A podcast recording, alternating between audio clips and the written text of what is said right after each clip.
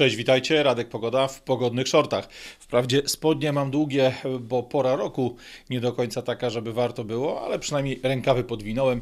Widać więc, że coś w temacie shortowym mamy.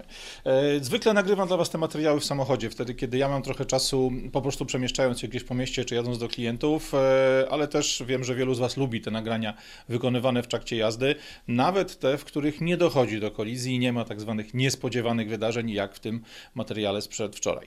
Tymczasem dzisiejszy materiał e, to tak naprawdę efekt dwóch dni zbierania informacji. W praktycznie każdej wolnej chwili, jaką miałem przez ostatnie dwa dni, zrobiłem zestawienie, e, które do omówienia tego tematu będzie nam potrzebne. E, I jest to zestawienie dość duże, więc mam nadzieję, że Was nie zanudzę i nie odpadniecie mi gdzieś w cudzysłowie po drodze w trzeciej, czwartej czy siódmej minucie tej prostej wyliczanki. Mówić będziemy o tym, jak wygląda dzisiaj sytuacja nie na Ukrainie, bo o tym mówią wszyscy, a w Rosji. A właściwie jak sytuacja w Rosji, w samym kraju, nie na tej, w tej strefie zgniotu, w strefie wojny, jak sytuacja w Rosji wygląda dziś i, i za chwilę wyglądać będzie od strony gospodarczej, od strony humanitarnej, od strony tego, jaki standard życia będzie miał zwykły rosyjski mieszkaniec, zwykły człowiek, który w tym kraju mieszka.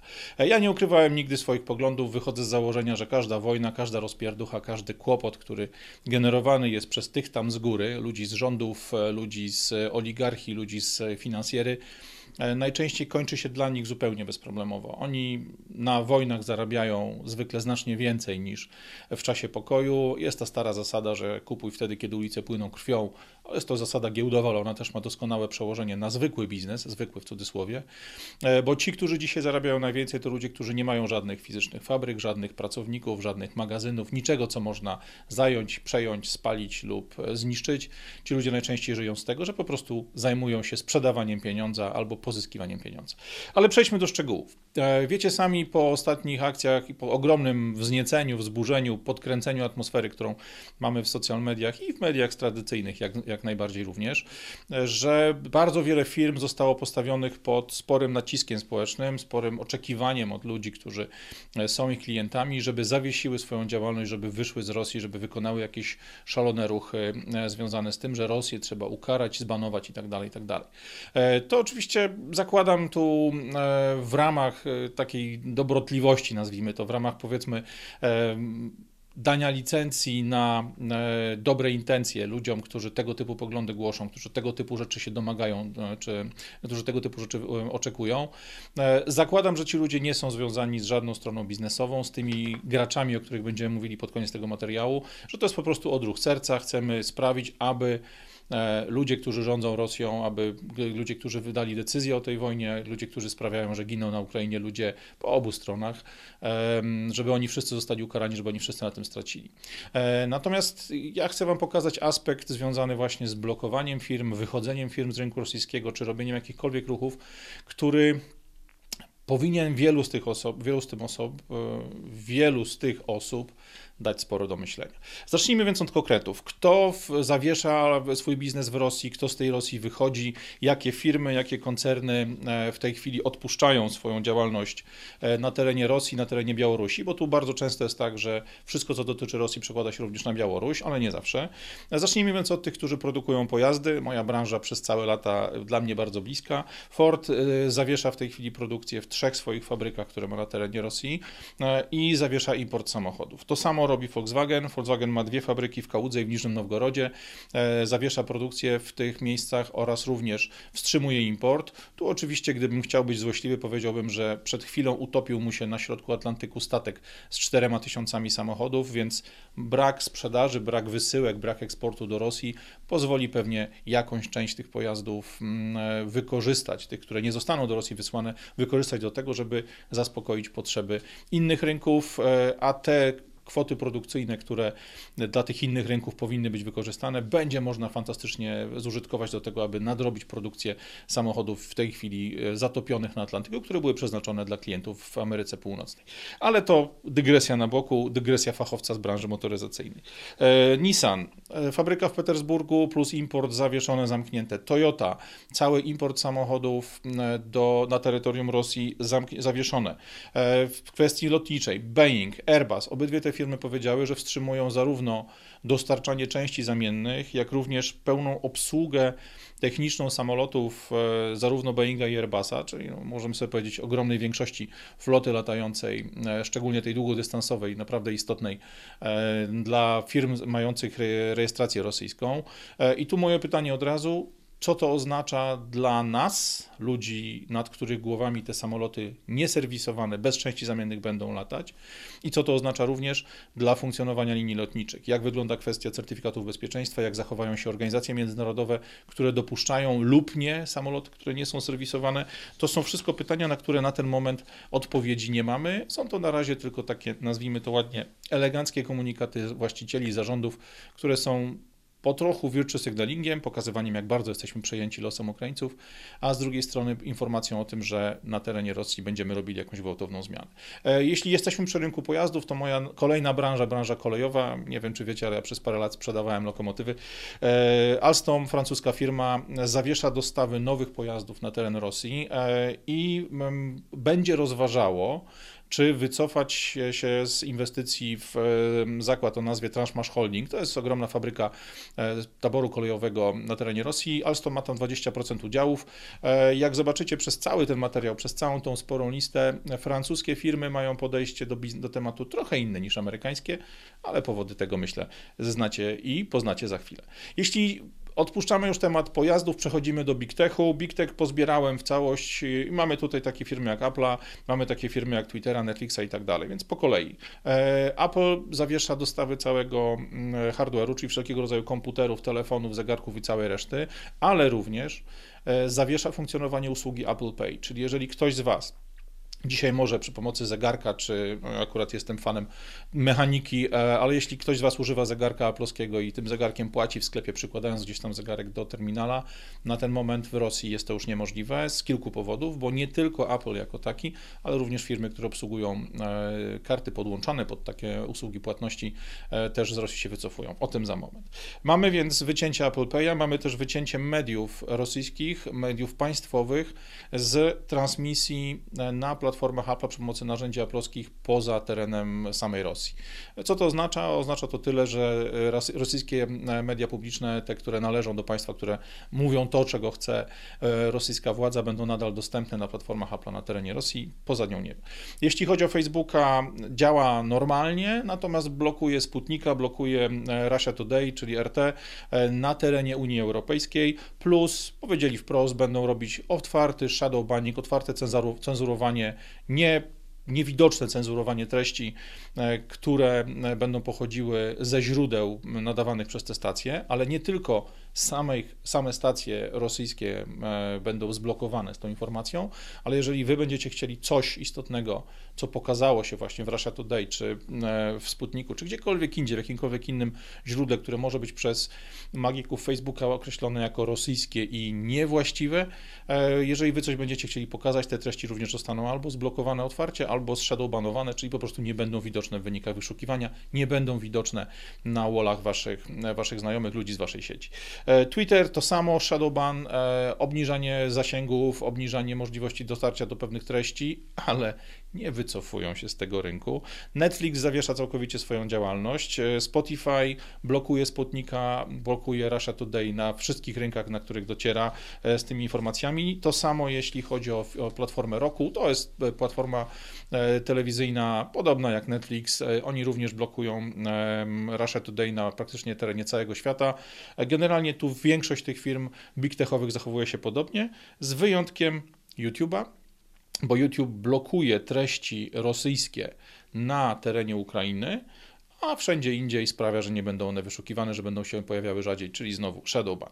Jeśli chodzi o Google YouTube'a, e, wyłączona została monetyzacja dla wszelkiego rodzaju kanałów, dla wszelkiego rodzaju operacji czy, czy podmiotów, które korzystają z ich usług na, te, e, na terenie w ogóle całego świata, jeżeli są to firmy rosyjskie. To samo dotyczy podejścia na przykład Airbnb. Airbnb zawiesiło całkowicie swoją działalność w Rosji i na Białorusi. Intel nie wysyła w tej chwili procesorów do obydwu tych krajów, i do Rosji, i do Białorusi. Microsoft wstrzymał tylko nową sprzedaż, czyli wszystkie kontrakty, które były zawarte, prawdopodobnie będą realizowane. Na ten temat nie wypowiadają się ani słowa, ale w informacji od rzecznika jest informacja jasna: nie będzie nowej sprzedaży, plus E, jako sposób wspomożenia w tej sprawie Microsoft zobowiązał się do tego, że będzie pomagał stronie ukraińskiej e, w zakresie cybersecurity, czyli tej ochrony e, cybernetycznej przed atakami, atakami cybernetycznymi, żeby się w jakiś sposób do zakończenia tej wojny posunąć. IBM zawiesił całkowicie swoją działalność na terenie Rosji, to samo Amazon. Nie można dzisiaj otworzyć nowych usług amazonowskich na terenie na terenie Rosji. Mówimy tutaj oczywiście nie o sprzedaży produktów, które znamy jako Amazon, ale tu o usłudze AWS, czyli Amazon Web Services. Nie da się dzisiaj otworzyć nowego konta, jeżeli jesteście zarejestrowani na terenie Rosji, jeżeli wasz adres IP, lokalizacja pokazuje. No, nawet dla tych, którzy znają się na tym temacie, nie ma nawet co wspominać, że żadna praktycznie z tych firm nie miała własnych centrów serwerowych, nie miała żadnych prawdziwych, realnych zasobów innych niż trochę osób od obsługi technicznej na terenie Rosji, bo tamtejsze przepisy związane z dostępem dostępem do danych użytkowników, dostępem do treści są takie, a nie inne i te firmy tam po prostu treści nie przechowywały. Idziemy w branżę energetyczną, branżę bardzo ważną dla Rosji, branżę bardzo interesującą również, żeby zobaczyć w jaki sposób reagują te kraje e, i w jaki sposób reagują poszczególne firmy. BP. BP ma dzisiaj 20% akcji Rosnieftu, e, chcą z tych akcji całkowicie wyjść. E, nie muszę Wam mówić, co to będzie oznaczało dla kursu akcji Rosnieftu. Podobnie jeśli chodzi o wszelkiego rodzaju projekty wspólne, różnego rodzaju joint venture, łączone projekty, które robione są między BP i Rosnieftem i innymi firmami e, z rynku wydobywczego, gazu, ropy i innych produktów energetycznych, chociaż chyba nie wiem, nie ma innych produktów energetycznych na ten moment. Wszystkie te projekty, wszystkie te nowe joint venture będą przez e, BP zawieszane e, i albo zamrażane, albo zakończane. Equinor to jest firma spora, e, która ma prawie miliard 200 milionów dolarów e, biznesu z Rosnieftem, e, zapowiedziała, że będzie się z tego biznesu z Rosnieftem, z Rosnieftem wycofywać, że swój udział w rynku rosyjskim będą mocno redukowali. Exxon ma ogromną inwestycję o nazwie Sachalin 1. To jest spora, spora spółka, czy tam właściwie spora inwestycja związana z wydobyciem i transportem gazu. Mają też 30% udziałów, oni jako Exxon mają 30% udziałów w tej, w tej inwestycji. Jednym z pozostałych udziałowców jest Rosnieft. Jest jasna informacja, że e, z tej inwestycji będą się chcieli wycofywać. Shell zapowiada wyjście w ogóle z Rosji, co więcej, zapowiada to, że porzuci w spółkę joint venture z Gazpromem dotyczącą również Nord Stream 2. Jak to będzie wyglądało, nie wiemy. Natomiast to, co jest dużo, bardzo istotne, jeśli chodzi o faktyczny wpływ na działania rosyjskie, na finansowanie działań wojennych, Shell zapowiedział, że wstrzymuje również zakupy rosyjskiego gazu, rosyjskiej ropy. Natomiast nie ma tu żadnych konkretów, nie ma tu żadnych dat, nie ma tu informacji od kiedy, jak, co się to będzie działo. Jest to tylko na razie zapowiedź. Tu interesującym wyjątkiem jest francuski Total Energies, bo powiedzieli wprost, mm, business as usual, e, blokują tylko nowe inwestycje, nie chcą nowego kapitału wkładać na rynek rosyjski. No i tu możemy powiedzieć, że z jednej strony jest to dobre, bo wstrzymuje e, zasilanie e, działań wojennych, z drugiej strony każdy normalny człowiek zatrzymuje się z kapitałem, dopóki nie wyjaśni się sytuacja na polu bitwy. Nie wiadomo z kim negocjować, z kim podpisywać, z kim się układać przy stołach. Co jest istotne, e, Total chwilę temu otworzył nowiutką, wielką, świeżutką skraplarnię gazu na Syberii e, i mówiąc brutalnie, jest myślę, że był to jeden z powodów, dla których pan e, Macron pojechał do Moskwy i przy tym pięknym, długim stole siedział z Putinem, zanim zaczęła się jeszcze ukraińska potańcówka, żeby poukładać biznesy firm francuskich w trochę inny sposób niż dzisiaj reagują choćby Amerykanie. Branża finansowa. E, norweski e, Sovereign Wealth Fund, czyli to jest taki ogromny fundusz e, inwestycyjny należący do państwa norweskiego, który ma w tej chwili tam kapitał w trylionach dolarów liczony. Jedna z największych firm związana właśnie z kapitałem na świecie. Powiedziała wprost, że chce wstrzymać się z inwestowania w Rosji. Co jest istotne, powiedzieli też, że zamierzają sprzedawać akcje, których są w posiadaniu. To jest 47 dużych rosyjskich firm, na których budowali część swojego portfolio, więc wszystkie te akcje zostaną sprzedane w najbliższym czasie. Co ważne, norweski fundusz Sovereign planuje również sprzedaż rosyjskich obligacji. I to może być dla rynku bardzo, bardzo duże uderzenie. Mastercard zdecydował się na wyłączenie usług. To samo Visa, to samo American Express. Co jest tu istotne?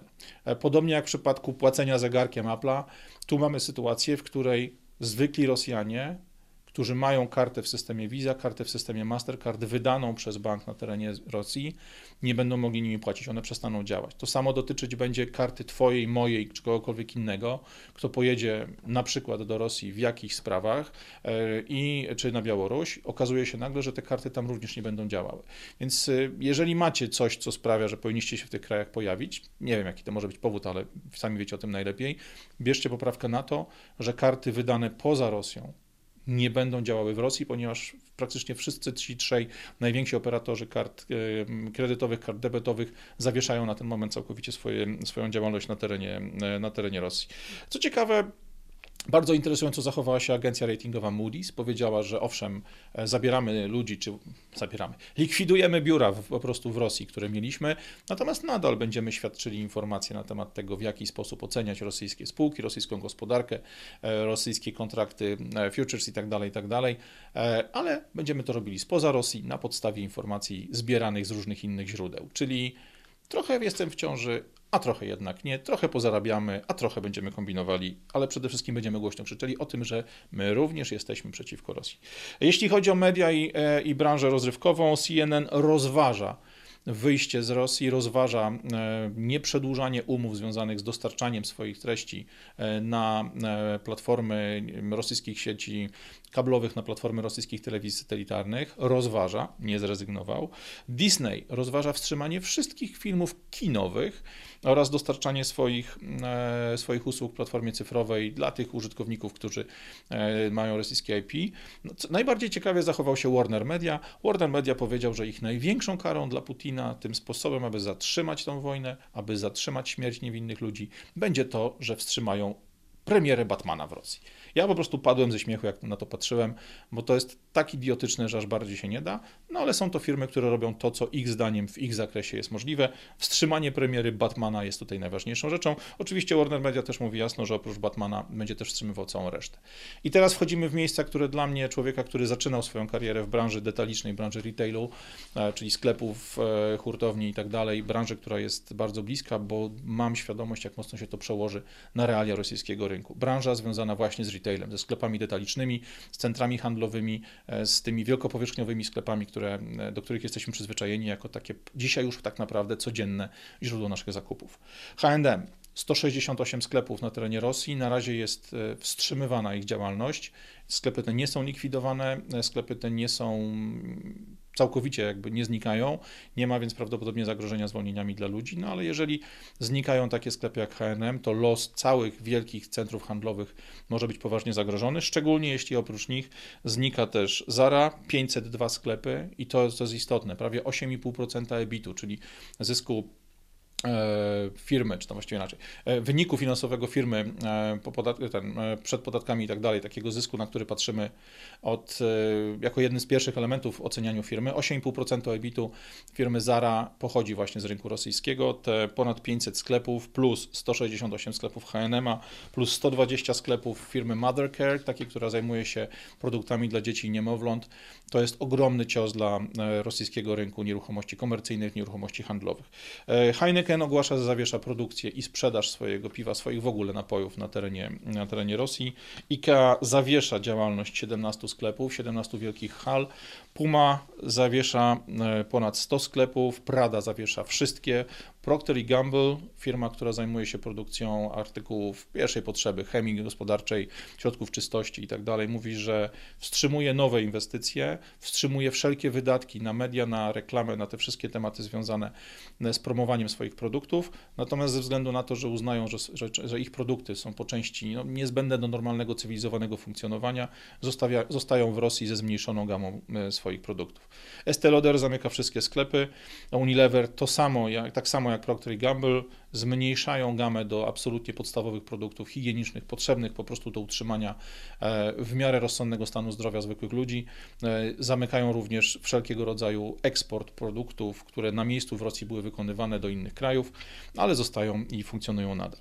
Ciekawie wygląda sytuacja z knajpami, e, bo o ile McDonald's powiedział, że w ponad 700 restauracji zostanie chwilowo, tymczasowo zamkniętych e, w samej Rosji, plus ponad 100 na, na Białorusi, e, to restauracje te nie idą do piachu, nie zostaną zamknięte. Co jest istotne, McDonald's na terenie e, Rosji ma ponad 84% restauracji, które należą tylko do niego. To nie będzie dotyczyło tak mocno franczyzobiorców, chociaż oczywiście zamknięte będą wszystkie.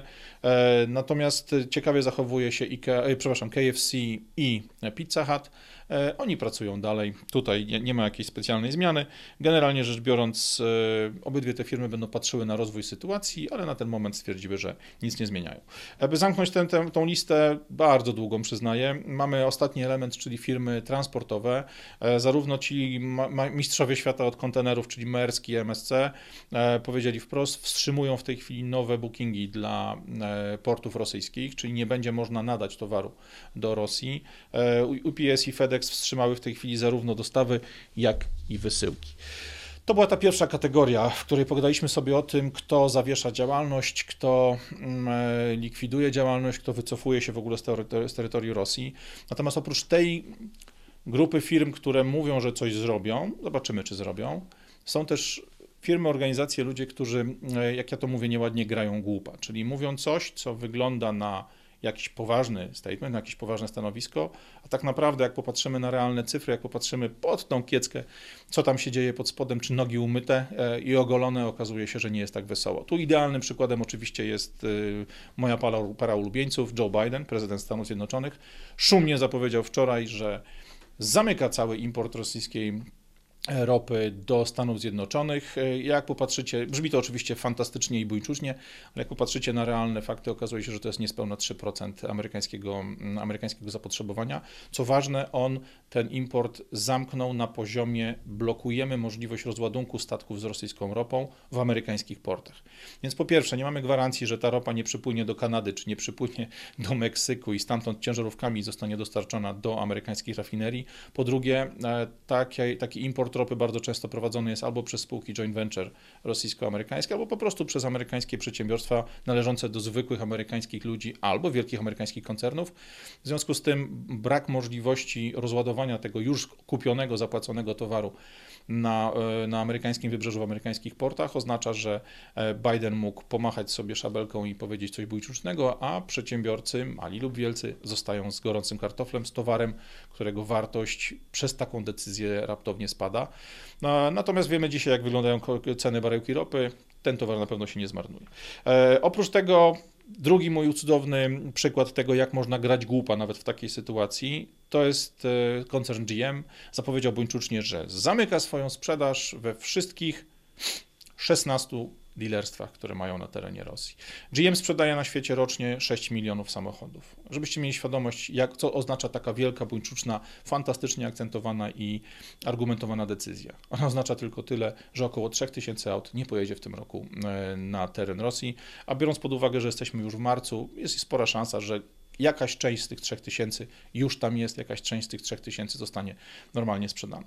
No i oczywiście właśnie KFC, Pizza Hut mają ponad 1000 restauracji, wszystkie one działają, ale firmy rozważają możliwość zawieszenia działalności albo wycofania się z tego rynku, a póki co zyski, które te pracujące w Rosji e, restauracje wygenerują, będą transferowane, będą wykorzystywane do działalności humanitarnej. Bez szczegółów gdzie, bez szczegółów z kim, bez szczegółów w jaki sposób, będą wykorzystywane do działalności humanitarnej. To jest ważne. E, kto zostaje, e, powiedzieliśmy sobie, kto wychodzi albo wstrzymuje swoje działanie, ustaliliśmy, kto gra głupa, ustaliliśmy te, ustalmy teraz, kto w Rosji zostaje, kto jasno ogłosił, że nie zamierza zmieniać swojej, swojego funkcjonowania. No i tu największe przykłady, do których udało mi się dotrzeć, to dwie z czterech firm konsultingowych, firm audytorskich, firm, które nazywamy wielką czwórką no właśnie tego konsultingowego i audytorskiego biznesu. Ernst Young, czyli EY w tej chwili e, ma na terenie Rosji prawie 5 tysięcy ludzi, ludzi w dziewięciu miastach. Powiedzieli wprost, zostają business as usual. Oczywiście będą e, wygłaszali komunikaty, będą patrzyli, co się dzieje, jaki jest rozwój sytuacji, ale na razie jadą tak, jak jechali do tej pory, business as usual. To samo PWC, 3700 pracowników na terenie Rosji, oni wszyscy zostają. Musicie mieć świadomość, że te firmy w dużym stopniu pracują mm, e, dla rosyjskiego biznesu. E, ale również dla rosyjskich instytucji, dla rosyjskiego rządu. E, tu bardzo ciężko jest pokazać granicę między tym, kiedy ich działalność pomaga żyć normalnemu rosyjskiemu obywatelowi, temu, który ma biznes lub w takim biznesie pracuje, a w którym miejscu zaczyna się pomoc dla reżimu, w którym miejscu zaczyna się pomoc dla spółek Skarbu Państwa, dla oligarchów, dla wreszcie firm kontrolowanych przez bezpośrednio otoczenie Putina. Te dwie firmy audytorsko-konsultingowe jasno pokazały, że business as usual to jest droga, którą zamierzają pójść. I teraz, jakbyśmy to wszystko mogli podsumować, to pojawia się proste pytanie: co widać, co z tego wszystkiego, z tych trzech stron ogromnej listy wynika?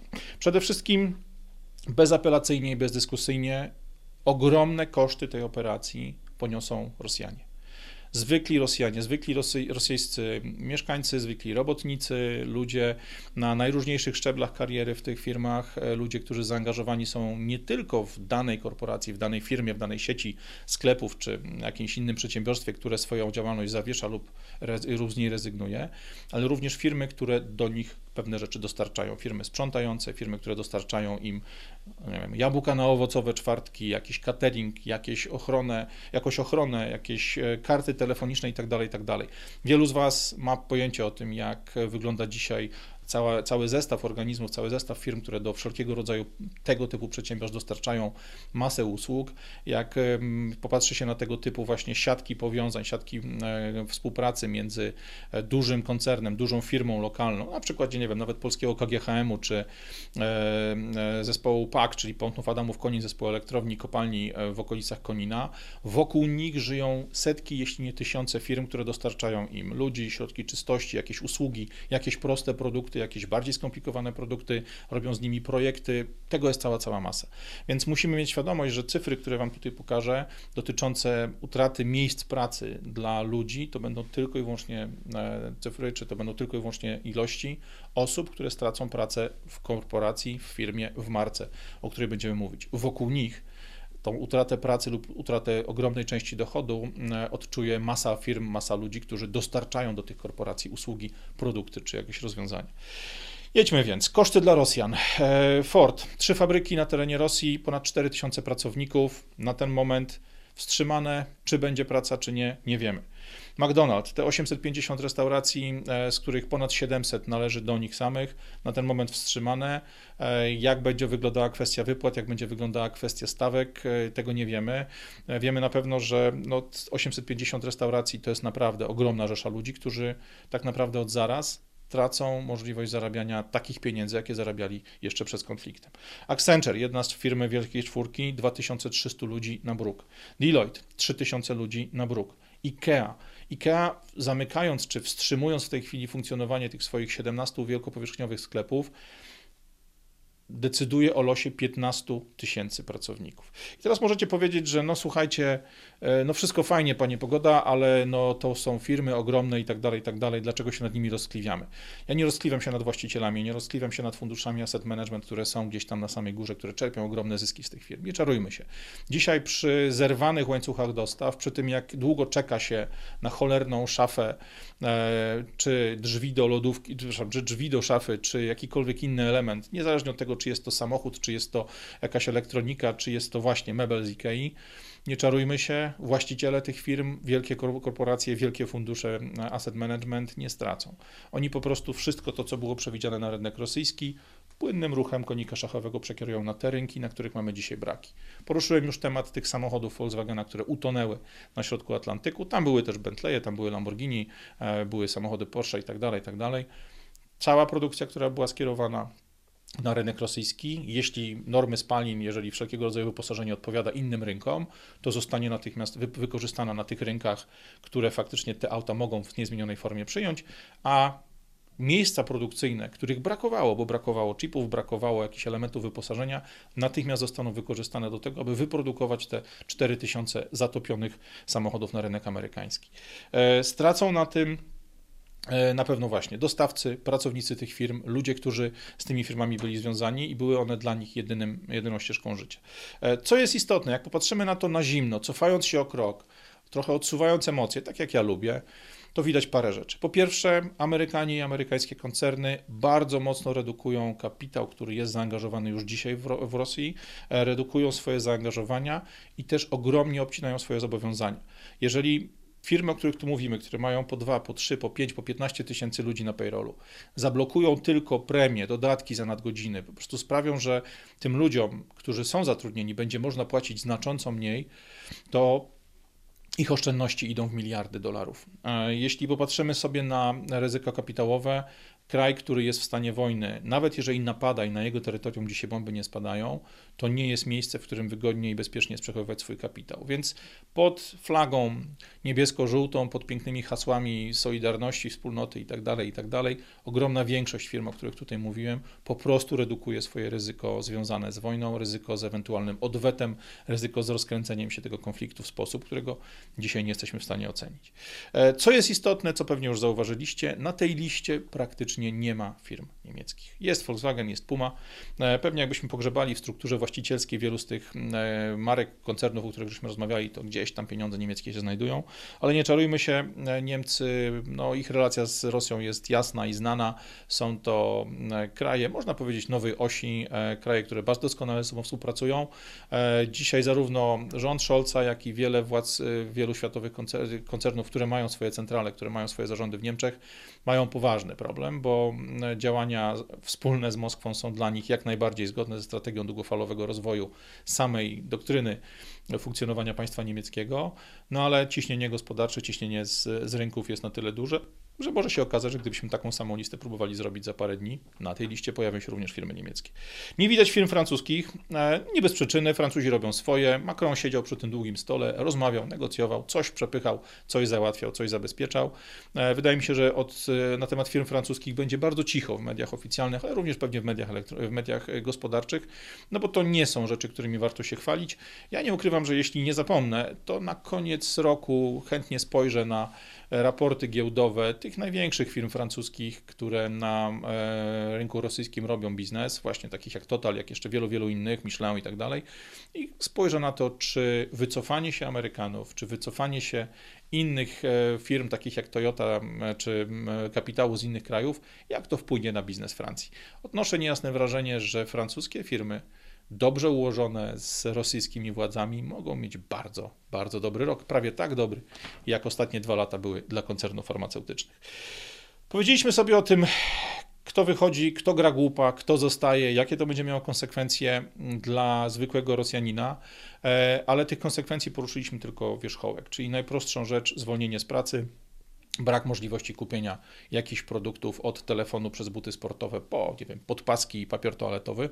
Natomiast popatrzmy, co to oznacza w trochę dłuższej perspektywie. Co może się stać w momencie, kiedy tak ogromne rzeczy dzieją się na rynku? Jeżeli ucieka nam flagowy sklep z centrum handlowego w jakimś, nie wiem, miejscowości, e, powiedzmy 300, 400, 500 tysiącach mieszkańców, to całe centrum handlowe znika. Widzimy to w Polsce. W Polsce centra handlowe panoszą się jak pożar buszu, kompletnie niekontrolowane, za to dobrze opłacane i nie płacące podatków dochodowych od już ponad 30 lat.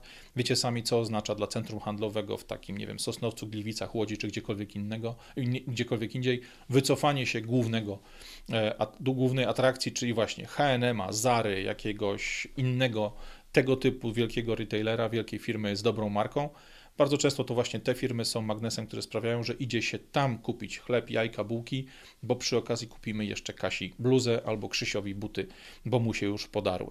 E, wycofanie się ogromnej ilości sklepów, mówimy tutaj o 500 sklepach Zary, o 170 sklepach e, innych marek, o wyjściu całej praktycznie tej górnej półki e, z tych luksusowych centrów handlowych, ale również tych popularnych marek, może to oznaczać, że ogromna, ogromna fala bankructw, fala przejęć wrogich, finansowych, finansowych i najróżniejszych innych typów przejęć przejdzie przez, Amery- przez rosyjski retail, e, że poupadają masowo centra handlowe i pamiętajcie, w tych centrach handlowych pracują zwykli ludzie.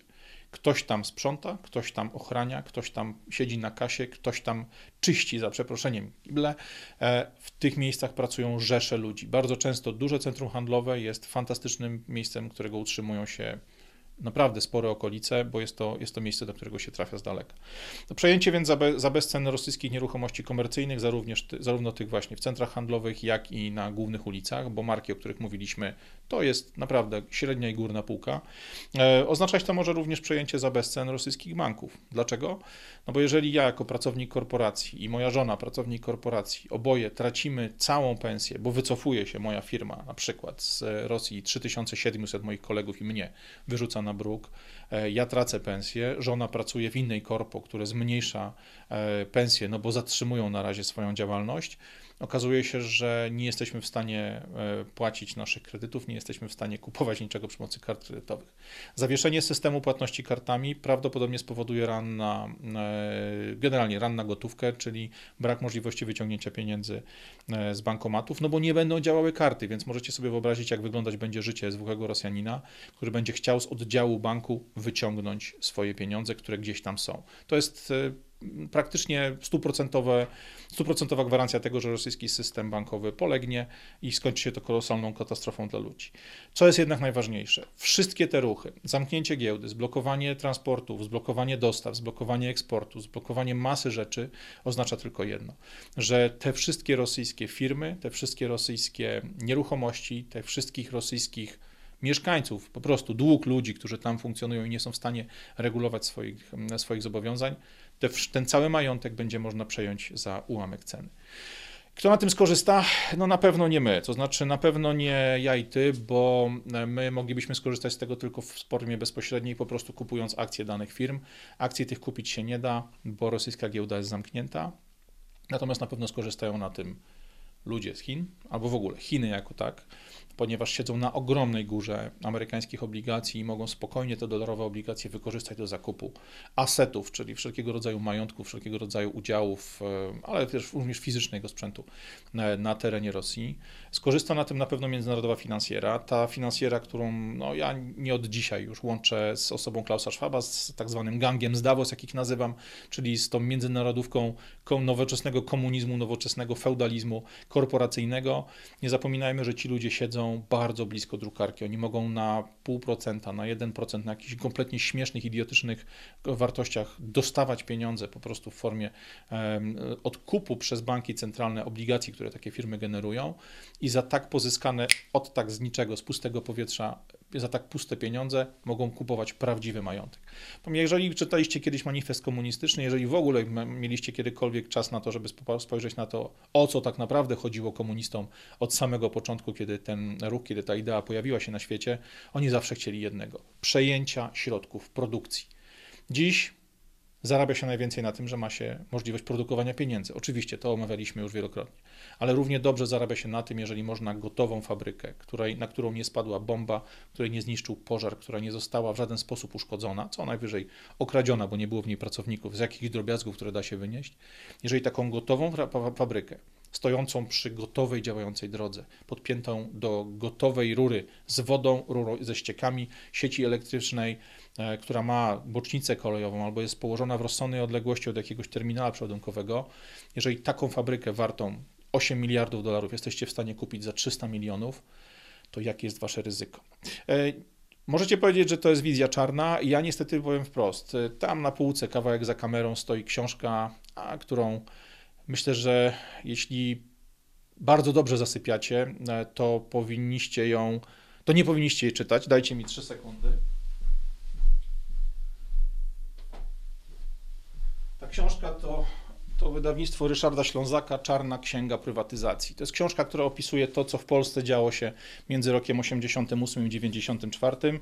Jeśli nie lubicie dużo czytać, to znajdźcie ją gdzieś w księgarni i zacznijcie przynajmniej przeglądać obrazki, bo jeśli zobaczycie sobie zdjęcia fabryk, e, które funkcjonowały w czasach Polski Ludowej, że tak powiem, PRL-u, e, albo popatrzycie sobie na tabelki, w których jest informacja o tym, co wydarzyło się z polskimi fabrykami, z polskimi zakładami produkcyjnymi, gdy przejmował je Siemens, gdy przejmowali je Amerykanie, Francuzi, Niemcy, to naprawdę głos wam ugrzęźnie w gardle i będziecie mieli serdecznie dosyć przez parę następnych dni. Nie ukrywam, że ja mniej więcej tego spodziewam się w tej chwili na terenie Rosji. Całkowitej zapaści gospodarki, nie kosztem oligarchów, nie kosztem ludzi, którzy byli w łóżku w cudzysłowie z Putinem. Nie tych ludzi, którzy na rosyjskim eksporcie gazu, ropy, na przetwarzaniu tych produktów, na budowaniu tych ogromnych fabryk dla Niemców, Francuzów, Amerykanów, Holendrów, Brytyjczyków, kogokolwiek jeszcze ze świecie, nie ci, którzy zarabiali te ogromne pieniądze. Po dupie jak zawsze dostaną ci, którzy przykręcali śrubki, kopali doły, obsługiwali koparki czy kasy w ichniejszej wersji Biedronce, Biedronki, czy Makro, czy Magnitu. Wszystko to skończy się kosztem zwykłego Rosjanina, kosztem cofnięcia się całego kraju bardzo, bardzo mocno w tył. E, I o ile nie mam absolutnie grama zawahania do tego, żeby no, strzelać choćby dziś do ludzi właśnie pokroju Putina czy jego doradców, ludzi, którzy tą całą wojnę zorganizowali i zabijają dziś ludzi na Ukrainie, robią tą zadymę, o tyle obawiam się z doświadczenia, z jakiejś tam wiedzy, którą mam przez lata, z choćby takich książek, że koszty, prawdziwe koszty upadku Rosji jako państwa, upadku Rosji e, cywilizowanej poniosą zwykli ludzie. Ludzie, którzy nie będą mieli gdzie pracować, nie będą mieli jak płacić, nie będą mieli jak kupić żarcia, nie będą mieli jak funkcjonować w normalnym świecie. Może się okazać, że to, co widzieliśmy do tej pory tylko w e, subsaharyjskiej Afryce, w tych krajach opętanych głodem i całą resztą będziemy te obrazki za chwilę widzieli bardzo blisko nas. Co to oznacza? No z jednej strony oczywiście brak możliwości zakupu nawozów, brak możliwości e, zakupu nowych narzędzi, innych rzeczy teraz na wiosnę, w marcu, kiedy powinno się wszystko obsiewać, zarówno na Ukrainie, gdzie trwa wojna, jak i w Rosji, gdzie kraj został pozbawiony dostępu do wszelkiego rodzaju surowców, środków produkcji, właśnie nawozów e, sztucznych itd., tak itd. Tak Oznaczać to może nie tylko dla nich, ale również dla nas głód, drożyznę, braki w sklepach. Oznaczać to może ogromne ciśnienie, które będzie w Rosji. Takie ciśnienie w roku 1933 doprowadziło Hitlera do władzy w Niemczech. Takie ciśnienie powodowało, że bardzo często ludzie o wyjątkowo otwartych, antyludzkich poglądach trafiali na szczyty władzy i byli w stanie głodny, zdesperowany, biedny naród, który stracił wszystko, bez problemu pociągnąć do poziomu wojny. Nie chcę was straszyć, e, nie chcę też brzmieć tutaj jak jakiś, nie wiem, wielki obrońca Putina, który, który chciałby powiedzieć, że to wszystko, co wymieniliśmy, to są niewłaściwe działania. Ja po prostu wychodzę z założenia, że e, wiele z tych działań, które wymieniłem dla was, wiele z tych akcji, to jest po prostu virtue signaling, to jest po prostu pokazywanie, że jesteśmy tacy zajebiści, że tak bardzo się przejmujemy, że tak bardzo jesteśmy cudowni. Ale jeśli cofniemy się te dwa kroki w tył, jeśli spojrzymy na to wszystko bez emocji, widzimy, że może chodzić o coś zupełnie innego niż chęć pomocy Ukrainie, niż chęć pomocy ludziom, którzy cierpią w tej chwili z powodu decyzji tych misiów na górze, na Kremlu i w jego otoczeniu, czy w rosyjskiej armii. Patrzmy, co się dzieje. Ja nie ukrywam, że cały ten konflikt ukraiński staram się obserwować trochę bez emocji. Myślę, że zrobimy jeszcze jakiegoś shorta, a może nawet materiał z Rafałem, jeśli chodzi o sytuację, którą my tu w Polsce będziemy za chwilę mieli, kiedy przez naszą granicę przejdzie nie półtorej, a 5, a może nawet 10 milionów e, ludzi stamtąd. Będą to Ukraińcy, będą to ludzie z Azji Mniejszej, których chwilę temu blokowaliśmy na granicy białoruskiej. Będzie to ogromna ilość ludzi, którzy wcześniej próbowali się dostać do Europy przez e, Węgry. Węgry w tej chwili fajnie się ustawiły i myślę, że im to nie grozi. E, temat tego, co my tu będziemy mieli na miejscu w Polsce, też jest dość istotny. A ja nie ukrywam, że będę o nim mówił e, z wyjątkowym zainteresowaniem. Będę wyszukiwał te dane i sam jestem tym mocno zainteresowany, bo w odróżnieniu od żony naszego premiera, ja nie sprzedałem swoich nieruchomości w Polsce i chciałbym tutaj normalnie funkcjonować. Z tym na pewno do Was wrócę. Póki co ten cały ogromny materiał dotyczący sytuacji w Rosji, tej dzisiejszej i tej, która za chwilę może się rozwinąć przed naszymi oczami, zostawiam Wam do spokojnego przemyślenia. Trzymajcie się, mało pogodne, ale niestety potrzebne shorty. Radek Pogoda. Cześć.